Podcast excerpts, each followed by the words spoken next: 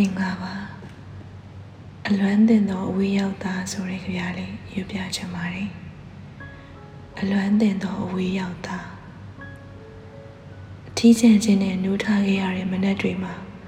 အလွမ်းနေနဲ့မျက်နှာသက်ဝိနေကြချက်ကင်းအင်ကြီးလေးတော့မလျှော်ပြစ်တာကြပြီမင်း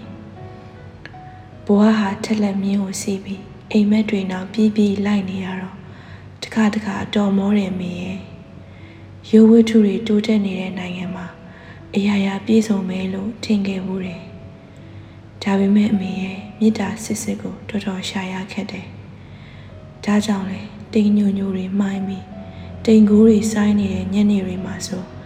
မြေသိင်းရင်းနဲ့နေတင်းနေတဲ့တဲ့နေမျိုးလေးကိုလွှမ်းရတာပေါ့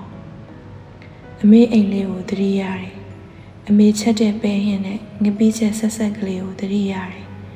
မိသားစုတမင်ဝိုင်းလေးကိုသတိရတယ်။ရီဝေဝေညနေခင်းတွေနဲ့ငယ်ပေါင်းတွေကိုသတိရတယ်။မောင်လာပြီဝင်တချင်းကိုဂီတာတီးပြီးအော်ဆိုခဲ့ကြတဲ့ညတွေကိုသတိရတယ်